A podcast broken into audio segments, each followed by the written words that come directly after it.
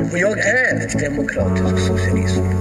Med stolthet och med glädje. Kvar min grundtro på att det går att påverka samhället, det går att påverka utvecklingen. Medborgarnas krav kan tillgodoses endast av det starka samhället. Hej! Leif Nysmed. Varmt, varmt välkommen till Riksdagspodden. Mm, tack så du ha. Det var spännande. Ja, verkligen. Jättekul att du är här. Och temat för dagen som vi tänkte framförallt prata om var ju facket i politiken. Mm. Den fackliga mannen i politiken. okay. eh, för du har ju varit fackligt aktiv väldigt länge och kanske så du kom in och blev politiskt engagerad, eller var det tvärtom? Du får berätta lite. Ja, det går nog att fundera lite grann på. Sen eh, kommer ju från en familj, en traditionell socialdemokratisk familj som eh, har jobbat fackligt eh, men också varit engagerad politiskt. Så att samtalen har ju funnits hemmet tidigt. Jag gick ju med i fackföreningsrörelsen 1986, gick med i Frisöranställdas förbund som idag är en del av Handels. För att sen byta till Seko heter de idag, men jag jobbade på posten under några år i min ungdom. På Postgirot och satt och registrerade checkar för att senare omskola mig till barnskötare. Gick dock inte med Kommunal för jag började aldrig arbeta som barnskötare utan jag började som traditionell snickarlärling på ett eh, byggföretag som heter, eh, hette Hallström och Nisses. Det är en del av Peab idag. Ehm, så att eh, då gick jag med i Byggnads. Och ja, därifrån så insåg jag snabbt att man måste vara med i politiken också för att vara med och påverka. Det kom ju precis 89 så han inte jobba ett år innan, eh, innan eh, krisen började bli påtaglig då när eh, eh, stora uppsägningar skedde i början av 90-talet eh, och insåg att man måste satsa mer på bostadspolitiken för att det ska finnas jobb, infrastruktur för den delen också, men också ha skäliga arbetsvillkor också att jobba med. Mm. Så att då började jag engagera mig politiskt igen. Jag har varit med i SSU lite tidigare, men jag lämnade det ett tag. Men när jag började jobba igen så gick jag med i Byggsossen, som det hette. Mm. Och eh, började engagera mig där igen. Och sen började jag engagera mig lokalt igen i Huddinge arbetarkommun, som heter Socialdemokraterna i Huddinge, helt enkelt. Och på den vägen är det. Sen sitter man i riksdagen så här ett antal år senare. Men eh, jag har ju varit fackligt aktiv i, i Eh, Eh, i våra medlemskretsar, som det heter numera, sektioner hette en gång i tiden. Och eh, har också varit eh, ombudsman på Byggnads Stockholm Gotland i 14 år innan jag kom in i, i riksdagen också. Så jag har jobbat rätt mycket fackligt skulle jag vilja säga. Och jag skulle säga att min grund, eller jag bottnar i fackföreningsrörelsen mer än kanske politiken. Men jag har ju hjärtat i socialdemokratin hela tiden, även om jag inte alltid kanske delar mitt partis uppfattning i alla frågor ibland. Men det måste man kunna göra ibland. Mm. Ha lite andra synpunkter. Så att det, ja. Nej, men jag tänker, när du, när du kom in här i riksdagen 2014 så hade du ju det här fackliga liksom med dig in. Var det en fördel eller vad, vad, vad, är, vad är vinsterna med att ha de kunskaperna eller den ja, det med sig in i ett politiskt uppdrag? Jag ser ju det som ett viktigt, en viktig erfarenhet i ett arbetarparti. Eh, att man har den rollen med sig också. Sen finns det många andra viktiga erfarenheter som är viktiga i politiken också. Men jag tror att om vi ska prata utifrån hur människor faktiskt upplever saker och ting i verkligheten utanför riksdagens hus. Nu är riksdagen en del av verkligheten också, men mm. Mm. för att ge en bild av det, hur det fungerar på Eh, på arbetsplatser så är det viktigt att man har en fot kvar där. Eh, för mig har det alltid varit viktigt med arbetsplatsbesök, även som ombudsman. Det är lätt att låsa in sig på kontoret annars och sitta bara med förhandlingar. Men för mig har det varit viktigt att vara ute. Både stora, små företag, mellanstora företag. För det är olika förutsättningar. Och jag har ju jobbat i både stora och små företag. Jag har jobbat på Tormunds Bygg som var sex eller sju anställda när vi jobbade där. Jag har jobbat på Skanska som är en av världens största byggföretag. Och senast eh, byggföretaget jag jobbade på var JM Entreprenad. Så att eh, jag har hela, hela det här spektrat med sig. En annan viktig del också är att ha förståelse för, för här hur det fungerar för människor det är att under 90-talet så upplevde jag också arbetslösheten. Den här känslan av att inte ekonomin alltid räcker till, även om vi hade en bättre a-kassa då än vad vi har idag. Så att förhållandena är ju tuffare för de som är arbetslösa idag än vad det var för mig på 90-talet.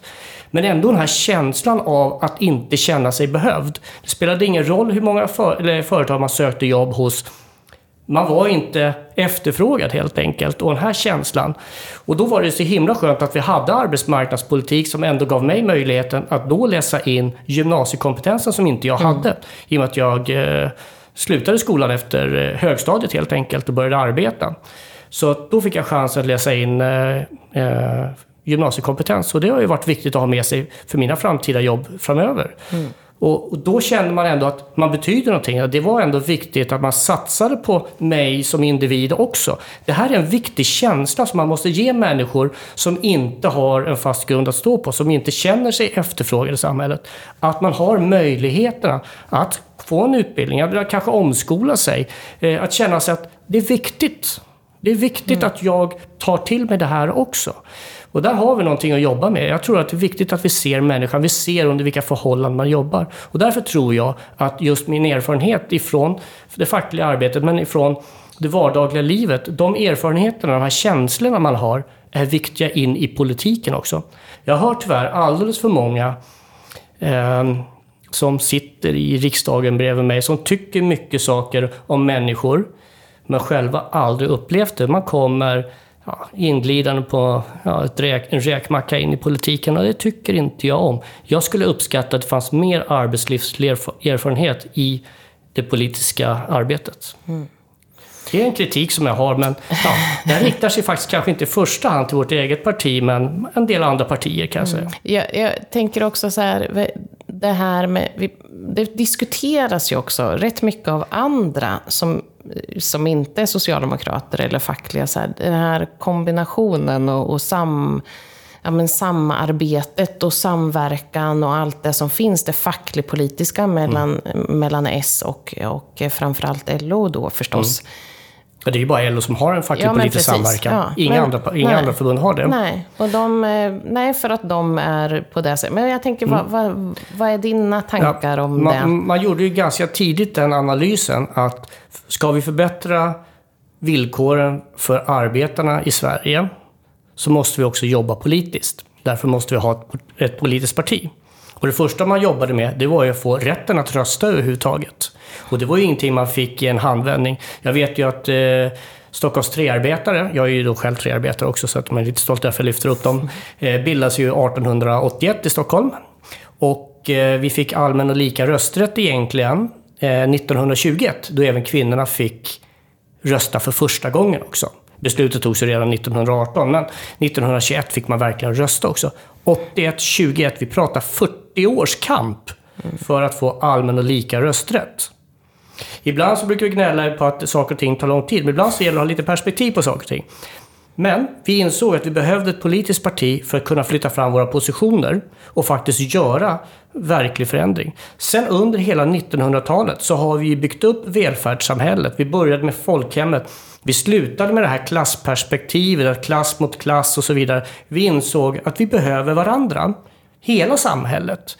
Och Per Albins dröm om folkhemmet där ingen eh, var någon kel, var den ena kelgrisen och den andra var, jag kommer inte ihåg exakt hur jag sa men mm. det, det, det, speglar ändå den socialdemokratiska drömmen. Att vi ska inte stå mot varandra utan vi ska stå enade och bygga ett gott samhälle. Och det gör vi genom bland annat att vi tar in skatter för att kunna omfördela det så att alla får en bra skola, förskola, bra uppväxt, men också få ett bra liv och också ett värdigt slut på livet. Den här tanken är ju in, på intet sätt färdigt, utan snarare mm. tvärtom har varit under hårt, hårt ansatt av speciellt nyliberalismen under eh, några årtionden här, eh, som har gjort att vi har fått backa lite grann. Men när man pratar med människor, och många som är besvikna på att de inte känner igen socialdemokratin, tänker ju inte på att det är inte den starka socialdemokratin som är idag längre. Så att vi har inte den eh, politiska kraften. Och om det är då socialdemokratiska folkhemstanken man saknar, då måste man ju rösta på Socialdemokraterna. Mm. Då kan man ju inte springa och rösta på andra partier som tycker annorlunda och så säger man vi känner inte igen Socialdemokraterna. Nej men det är väl inte så konstigt att man inte känner igen Socialdemokraterna när vi inte har makten i riksdagen eller för den delen kommuner och regioner att bedriva den socialdemokratiska folkhemstanken, välfärdsmodellen, alla människors lika värde. Jag menar, det hänger samman med hur man faktiskt röstar. Är ROT och RUT-avdrag viktigare än att vi satsar pengar på förskola, skola, äldreomsorg, eller sjukvård, eller polisen, eller vägar? Ja, då får vi ett sånt samhälle också. Alltså jag tror någonstans att man måste ta sig en funderare på... Och jag, hör, jag, jag, alltså jag, ärligt talat, jag har faktiskt en... Eh, alltså en bekant, eh, för att inte hänga ut personen i fråga, eh, som eh, gnäller väldigt mycket på socialdemokratin. Och så gnäller han på allting som vi har fått eh, förhandla fram i exempelvis januariavtalet men även med andra delar också tidigare, speciellt med Miljöpartiet, så tycker han att det är åt helsike, Socialdemokraterna sviker. Men då säger jag så här, men vem är det som sviker? Vi försöker ju göra så mycket vi kan utifrån det mandatet vi har i riksdagen mm. i det här fallet. Mm.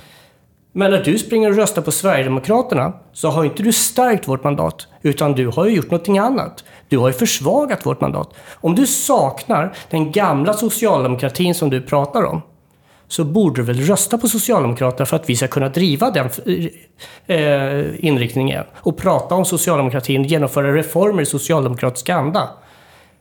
Men när, när fler och fler inte röstar på socialdemokratin, då kan man ju inte säga till att socialdemokratin sviker sina löften när vi inte får igenom det i, i riksdagen. Mm. Utan någonstans får det ju konsekvenser. Man måste kunna tänka två tankar samtidigt ibland, brukar jag säga till honom.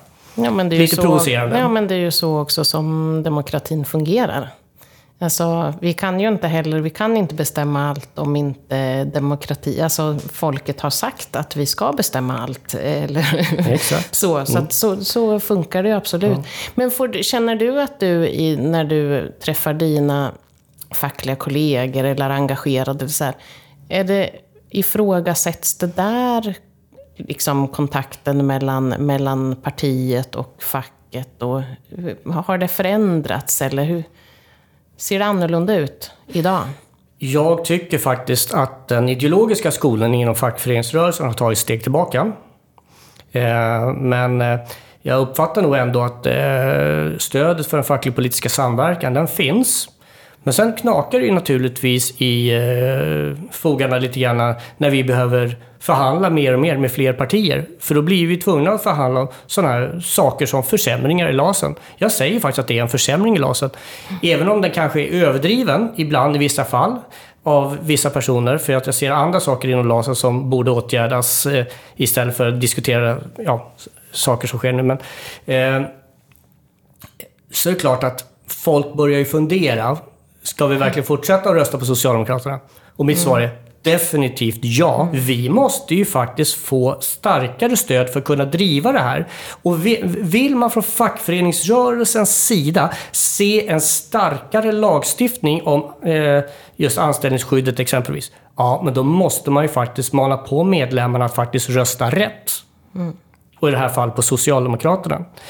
Eh, och vad ska man säga? Alltså, det är klart att vi ska ha högt i tak och kunna vara kritiska mot varandra, för det är också viktigt i en samverkan, att man kan säga vad man tycker och tänker. Fackföreningsrörelsen måste stå upp för sina medlemmar och när det inte går i deras går deras väg i riksdagen så måste de också vara tydliga även mot oss. Men när det börjar dra ihop sig till valrörelse, då måste vi samla styrkorna igen och säga så här. Nu vill vi få förändring på det här.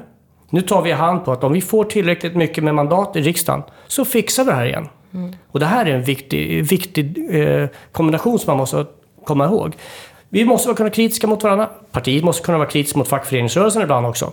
Men vi måste komma ihåg att vi blir inte starkare än vad vi gör varandra. Mm. Du pratar om förhandling, för det är mycket förhandlingar även inom politiken. Har man, och det är ju också framförallt mycket förhandlingar inom fackliga rörelsen. Och jag tänker som ombudsman så förhandlar man mycket. Har man nytta av den kompetensen eller så också i politiken? Eller är det helt olika nivåer eller olika sätt att förhandla? Det beror ju på om folk har erfarenheten av förhandlingar med sig eller inte inom politiken. Jag ser alldeles för många som försöker att man i förhandling ska få allt med sig och sådana saker. Men någonting som jag har lärt mig i fackliga förhandlingar så handlar det om att lösa problem. Mm. Eh, och eh, för det är ju någonstans, när man sitter i en förhandling med en arbetsgivare och företräder medlemmarna, så har det ju hänt någonting. Och det är sällan den enes fel. Utan någonstans så ligger det ja, saker och ting är inte svart eller vitt, utan det finns en stor gråskala däremellan. Och då gäller det att hitta, inte bara slå arbetsgivaren i huvudet som facklig företrädare och säga att du har gjort fel, nu får du böta allt och det. Utan, vad var det som gick fel? Hur kan vi se till, alltså börja få upp frågan på bordet, lägga den på bordet. Okej, okay, det här, så här ska det inte fungera enligt de regler vi har i kollektivavtalen eller om det är ett lagbrott. Det här ska inte ske igen. Hur gör vi för att det här ska bli bra? Och då gäller det ju att någonstans man hittar en lösning där bägge parter känner sig nöjda när man går ut ur rummet. För annars kommer vi hamna i en förhandling igen. Om jag kör över den andra parten, vad kommer den göra då? Kommer den känna sig nöjd? Kommer den anpassa sig till regelverket nästa gång? Nej, då kommer den försöka hitta någon annan sätt att komma förbi eller göra någonting istället för, istället för att faktiskt acceptera att okej, okay, jag gjorde fel lite grann. Vi försöker rätta till, det kanske kostar mig lite skadestånd alternativt att eh, den eh, uppsägning som jag gjorde på grund av personliga skäl på den här personen, den var inte giltig så jag får ta tillbaka den personen. Men hur kommer vi fram till en lösning som vi kan gå vidare med? Att vara facklig förhandling, förhandlingsombudsman är att hitta lösningar och försöka lösa problem. Jag är även utbildad eh, konflikthanterare eh, och det är en annan sak också dessutom och det handlar mycket om känslor många gånger. Men att förhandla inom politiken med folk som har ideologiska skygglappar är, eh, är ganska destruktivt.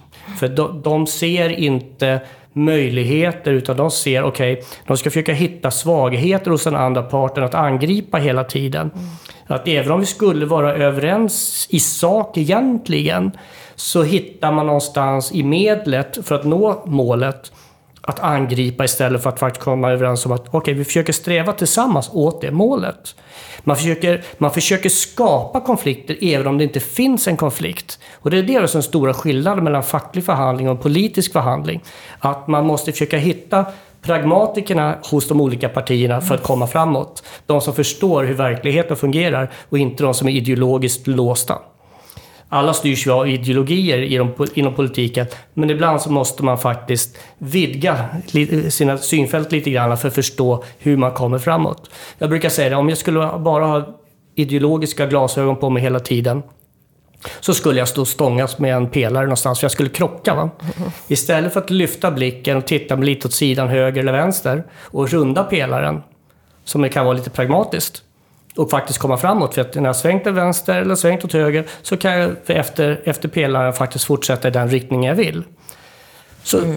så skulle jag, om jag inte kunde lyfta blicken och titta åt vänster och höger, stå fortfarande och försöka knuffa den där pelaren framför mig, vilket jag aldrig kommer lyckas med. Och jag kommer stå och trampa i, i skiten hela tiden istället. Mm. Nu kanske jag uttryckte mig lite grovt, men, mm, men. men jag, för, för, göra en liten bildlig förklaring. Mm. Det är faktiskt smartare ibland att titta pragmatiskt på frågor än att förblind, vara ideologiskt förblindad. Mm. Jag är ganska djupt ideologisk person annars, men man måste förstå att ibland måste man ta ett steg åt sidan för att komma framåt. Men jag tänker inte att det där alltid, det är min personliga, jag tänker inte alltid att det där med att vara pragmatisk och vara ideologiskt eh, stark behöver ju inte vara en motsättning. Utan när man Snart ska tvärtom. förhandla det så måste man ju också vara väldigt tydlig och stark och säker mm. i sin ideologi för mm. att kunna förhandla. Men det behöver ju inte för den skull bli ett hinder. Och jag Nej. tror att någonstans så kanske det är en bra att lära sig Mm. Alltså kompetensen att förhandla så att du också kommer fram till någonting som är bättre. För ingen kommer ju i, inte i framtiden heller kunna vara den som endast bestämmer i Sverige. Nej, då har vi något annat system. Mm. Ja. Eftersom inte jag förespråkar Nej, det. precis. Så, så den kompetensen ja. behöver ju finnas. Jag tänker att det behöver vi inte ta bort. Utan Definitivt snarare inte. så här, nu kommer vi överens, det här mm. är det mm. bästa mm. av. Fast vi har gått in med olika ideologiska eh, ja, bilder mm. eller uppfattningar eller så.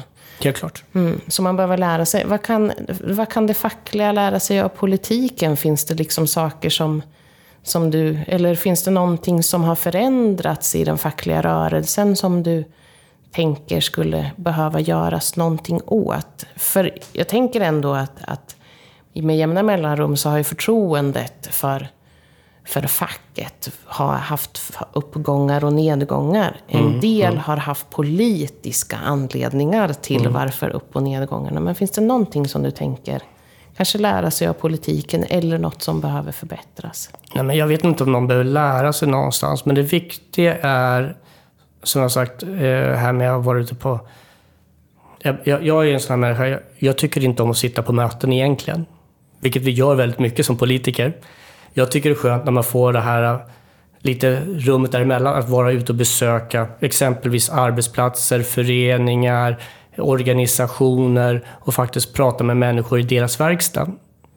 Eller deras vardag. Mm. Eh, och utifrån det dra lärdomar, faktiskt lyssna på människor och använda de här två öronen, parabolerna som jag brukar säga. Det är två mm. stycken. Mm. Eh, använda sig av bägge dem och, och lyssna på människor och faktiskt ta deras tankar, och idéer på allvar. Det tror jag är viktigt. Och det spelar ingen roll om det är inom politiken eller inom fackföreningsrörelsen, så man förstår vad det är som gör människor orolig.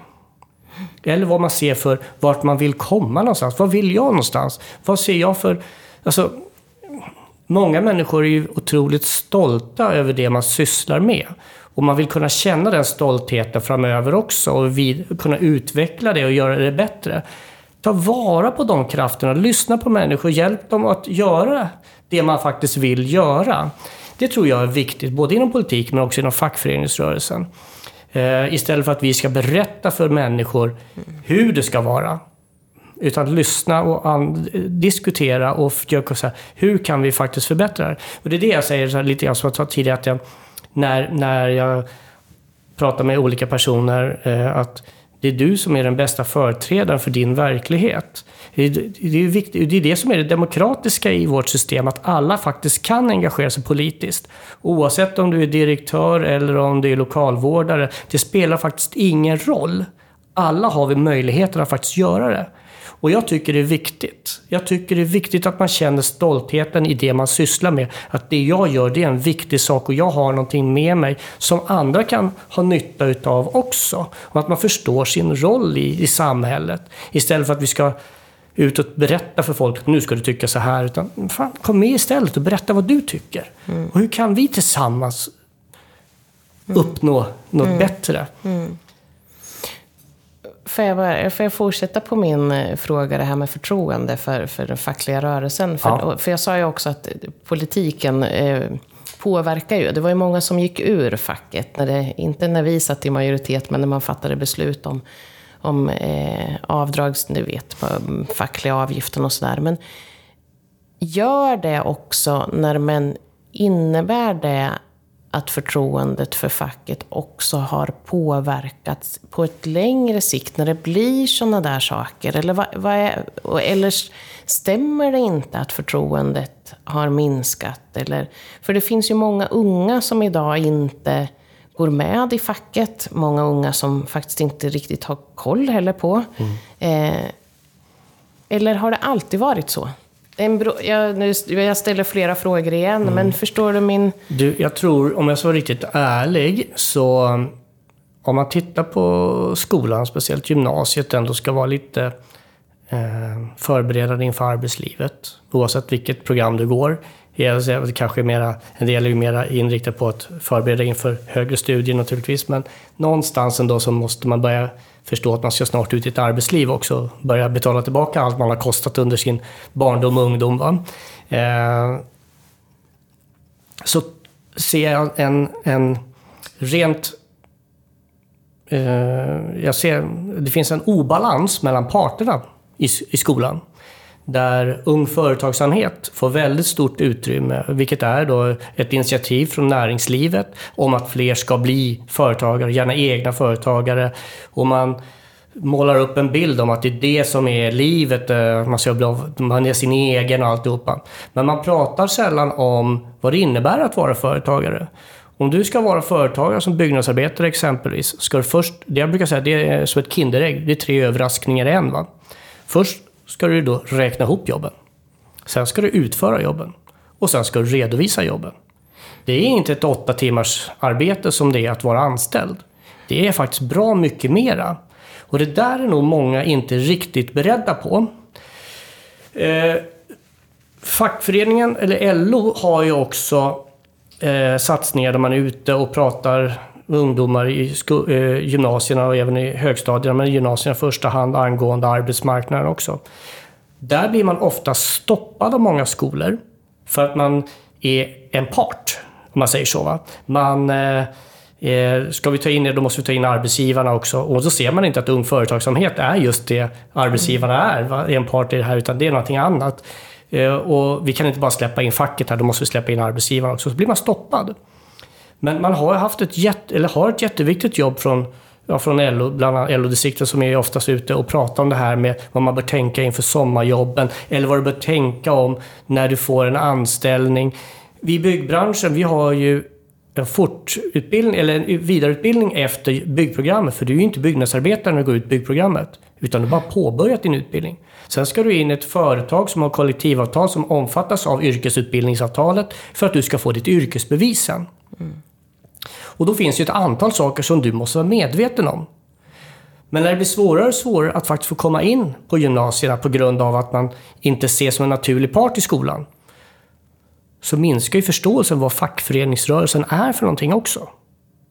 Sen finns det ju en allmän op eh, eh man säger, opinionsbildning mot facket från arbetsgivarsidan. Timbro är ju världsmästare på det, har hållit på sedan 70-talet och Eh, haft sina kampanjer mot fackföreningsrörelsen. Det ser vi ju även inom riksdagen också, en del som är utbildade av Timbro, eh, hur man hatar facket liksom. Vi ser ja, tyvärr SUF, då, Centerns ungdomsförbund, som har sprungit omkring med kampanjer, fuck facket och sprungit med gröna clownnäsor och sådana saker. Det är ju inte seriöst. Det är liksom så oseriöst som gör en förbannad. Samma sak var nu senast när man ger Martin Ådahl en eh, tavla med ett brinnande LO. Liksom. Hallå? Mm. Vad är det för samhälle ni vill ha egentligen? Är det inte som så att det är rätt för även löntagare att få organisera sig om man så vill? Det är inget tvång att organisera sig, men det är ett naturligt sätt för löntagarna att faktiskt samla sina krafter och driva sina frågor. Tycker ni att det är så fel att man gör det? Vilka ska ni annars förbjuda att organisera sig sen? Det skulle jag bra gärna vilja veta. Jag tycker det är riktigt illa. Men eh, jag tror det kan vara ett svar på varför förtroendet ibland vacklar hos mm. uh, ungdomar för fackföreningsrörelsen. För att det är en ojämn kamp mellan fackföreningsrörelsen och näringslivet att få komma in på skolorna och faktiskt prata om vilka man är och vad man har för roll i samhället. Uh, så att det skulle jag gärna egentligen vilja ha. Jag skulle vilja ha mer arbetsmarknadspolitik eller arbetsmarknadsutbildning i alla samtliga gymnasieprogram. Det skulle faktiskt behövas. För många ungdomar kommer ut till en arbetsmarknad och blir hårt utnyttjade. Hur vanligt är det inte exempelvis att ungdomar som kommer in inom handels och hotell och restaurang får börja med att provjobba gratis? Sen när mm. blev arbete gratis? Ja, och jättesvårt att säga nej i de lägena för att man är glad över att man har fått något typ ett, en ja. fot in. Och så ska Absolut. man då, ja, men jag ska bara visa vad jag går för att jag mm. är anställningsbar. Ja, mm. men efter ett par veckor så säger arbetsgivaren nej tyvärr. Och så tar man in en ny som provjobbar två veckor. Sen kan du ha en sommarverksamhet öppen med gratis arbetskraft. Mm. Fy fan säger jag. Mm. Jag menar verkligen mm. det. Jag är så mm. arg på alla dem. För det där kommer återkommande varje sommar. LO har ju en eh, telefonsluss eh, som man kan ringa till och, och, få information och berätta om saker och ting och få hjälp och råd för vad man bör tänka på. Eh, och det här är ju återkommande. Jag jobbade på den eh, som eh, i slutet av 90-talet på den här och alla de samtal jag fick från ungdomar som blev utnyttjade på ett eller annat sätt. Alltså det, det var så att man kokade igen, vet mm. man hörde det. Va? Mm. Ja, Och det har inte blivit bättre. Men... Och det finns andra grupper som utnyttjas på ja. samma sätt. Mm. Nyanlända som inte känner till sina rättigheter i Sverige. Utländsk arbetskraft som kommer hit och hoppas på att kunna tjäna några kronor för att man har arbetslös hemlandet eller så vidare. Som utnyttjas. Eh, man jobbar exempelvis för eh, eh ja, 30 kronor i timmen ungefär. Om man får betalt. Mm. För det är inte alltid du får den här betalningen. Om du skadar dig så är det en enkel resa hem. Och många gånger så har du fått betalning i förväg för att du ska vara som en slav i Sverige. Du är här och jobbar av ett skuld du har. Eller så får du en officiell lön på pappret. Men när lönen kommer så får du betala tillbaka hälften till din arbetsgivare som då använder sig av den andra hälften för att betala kompisen bredvid dig svart. Det här är bara några exempel. Ja, jag, jag, det- kan ju de där på mina fem fingrar, alla de här skurkexemplen. Och det är det här som då seriösa arbetstagare och seriösa företagare ska konkurrera med. Det, blir åt, det går åt helvete, får jag säga så? jag ser i byggbranschen, jag ser inom städbranschen och många Ja. andra branscher. Vi kan ju titta på nagelskulptörerna som håller på och jobbar, de här thailändskarna som betalar en kvarts miljon bara för att komma hit och få arbeta. Hur lång tid tar det inte för dem innan de har betalat tillbaka den där skulden? Ja, men Ni det är förstår att det- det finns ju- Nej, ja, ja. fruktansvärda Ja, jag skulle vilja använda så många ord nu som inte passar i kyrkan så att eh, det är inte det lämpligt för en finns så podd tror jag. många sådana avarter som har blivit mycket värre på, på liksom senare år. Så att det är ju, jag menar, facket behövs ju inte mindre utan snarare mer. Och det finns också så mycket som man verkligen skulle behöva ta tag i. Så att jag, jag håller med. Jag håller verkligen, verkligen med dig. Och samtidigt så är jag kanske precis som du säger, vi har inga jag har inga belägg för det, men jag delar din uppfattning om att kunskapen är lägre och att man, många inte har, vet att man kan, vilka rättigheter man kan kräva eller att vet, eh, vet sina rättigheter heller. Så jag tänker att det där är ett, ett problem som Ja, hänger ihop, men också försvårar hela situationen. Och då kommer ju nästa pilsner i det här också. Det jag menar, när människor kommer in och blir utnyttjade hårt och det, man är inte medlem i facket heller. Va? Du är inte medlem som ny eller som eh, kommer direkt från skolan för du har inte förstått vad fackföreningsrörelse riktigt är. Du är som nyanländ, kommer från ett land där det inte finns starka fackföreningar. Eller som utländsk arbetskraft. Och inte, alltså du har, ju- vi har ju exempel till och med på människor som skriver under avtal att du får inte kontakta fackföreningar och gå med i fackförening alternativt kontakta svenska myndigheter för då får du åka hem. Alltså det står i deras eh, anställningskontrakt. Sådana har vi från Byggnads i Skåne som man har kommit över och kunnat visa på. Eh, då förstår ni att när då medlemmar i facket som är på arbetsplatsen blir utkonkurrerade av sådana människor som inte är medlemmar i facket, som facket inte kan företräda då. Att det blir ett misstroende mot fackföreningsrörelsen också. Så att det här är jätteviktigt att man kommer till rätta med om vi ska ha den svenska modellen kvar som bygger på två starka parter. En stark arbetsgivarorganisation och en stark fackföreningsrörelse. Som kan förhandla och ta fram de bästa avtalen utifrån sin bransch. För kollektivavtalens styrka är ju att de är branschanpassade till skillnad mot lagstiftning som är väldigt fyrkantig och ska passa för alla yrkesgrupper på arbetsmarknaden. Allt från läkare, advokater till byggnadsarbetare och lokalvårdare och lärare och eh, läkare. Ja, Det ska passa allt, va, en lagstiftning. Medan branschanpassade kollektivavtal är ju anpassade utifrån de förhållanden som råder på den specifika arbetsmarknaden.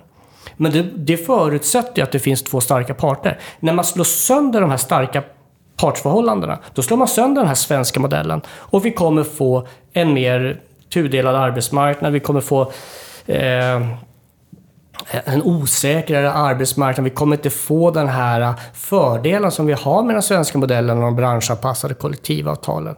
Och jag är väldigt oroad för den utvecklingen om jag ska vara riktigt ärlig. Jag, jag tittar lite Men är på... det ja. inte så också Leif, att jag menar det är inte bara fackliga som är oroade. Det finns ju också väldigt många seriösa företagare som Ja, är ja, visst, oroliga. visst. Så att det, är det är inte så att det finns en liksom bara så enkelt att säga, eller jag menar inte att du gör det förenklat, men jag tänker det här att alla som är företagare är emot den svenska modellen. Och, utan det finns många, mycket starkt stöd för det på den andra sidan också. Som inte Exakt. alltid uppmärksammas eller som syns. Men som alla Mm. som på något sätt är fackligt aktiva eller intresserade vet att det är på det sättet. Jag var ju strejkvakt bland annat eh, 2000, i början av 2000-talet, där, kommer inte ihåg, 2004 det var, eh, när eh, vi i Byggnads tog ut eh, Laval Lundpartner i, i blockad i Vaxholm där på grund av att de inte ville teckna kollektivavtal med oss. Vilket vi gjorde enligt svensk lagstiftning och den rätten vi hade. Och då ska jag säga det, det var otroligt många småföretagare och medelstora företag som hörde av sig till oss i Byggnads Stockholm-Gotland, eller Byggettan som vi kallades då. Eh, och faktiskt uttryckte sitt stöd. Men de vågade inte gå ut offentligt och göra det. På grund av att man var rädd för repressalier av andra företagare. I och med att man var underentreprenör eller gjorde jobb åt andra eh, och riskerade då att inte få jobben. Så att det finns ju också en tystnadskultur där tyvärr. Nu har jag, kan jag säga så att jag har mycket kontakt i och med att jag känner många företagare eh, genom ett förhandlingsuppdrag som jag haft på Byggnads tidigare. Så har jag ju många kontakter med, jag har flera företag som faktiskt är ute och slåss Just för den svenska modellen, att vi ska ha rätten att organisera oss, att vi ska ha schyssta villkor, att vi inte ska ha den här kriminaliteten på arbetsmarknaden. Och de slåss ju för sin överlevnad idag. Och det är många, det är både stora, medelstora och små företag som gör det.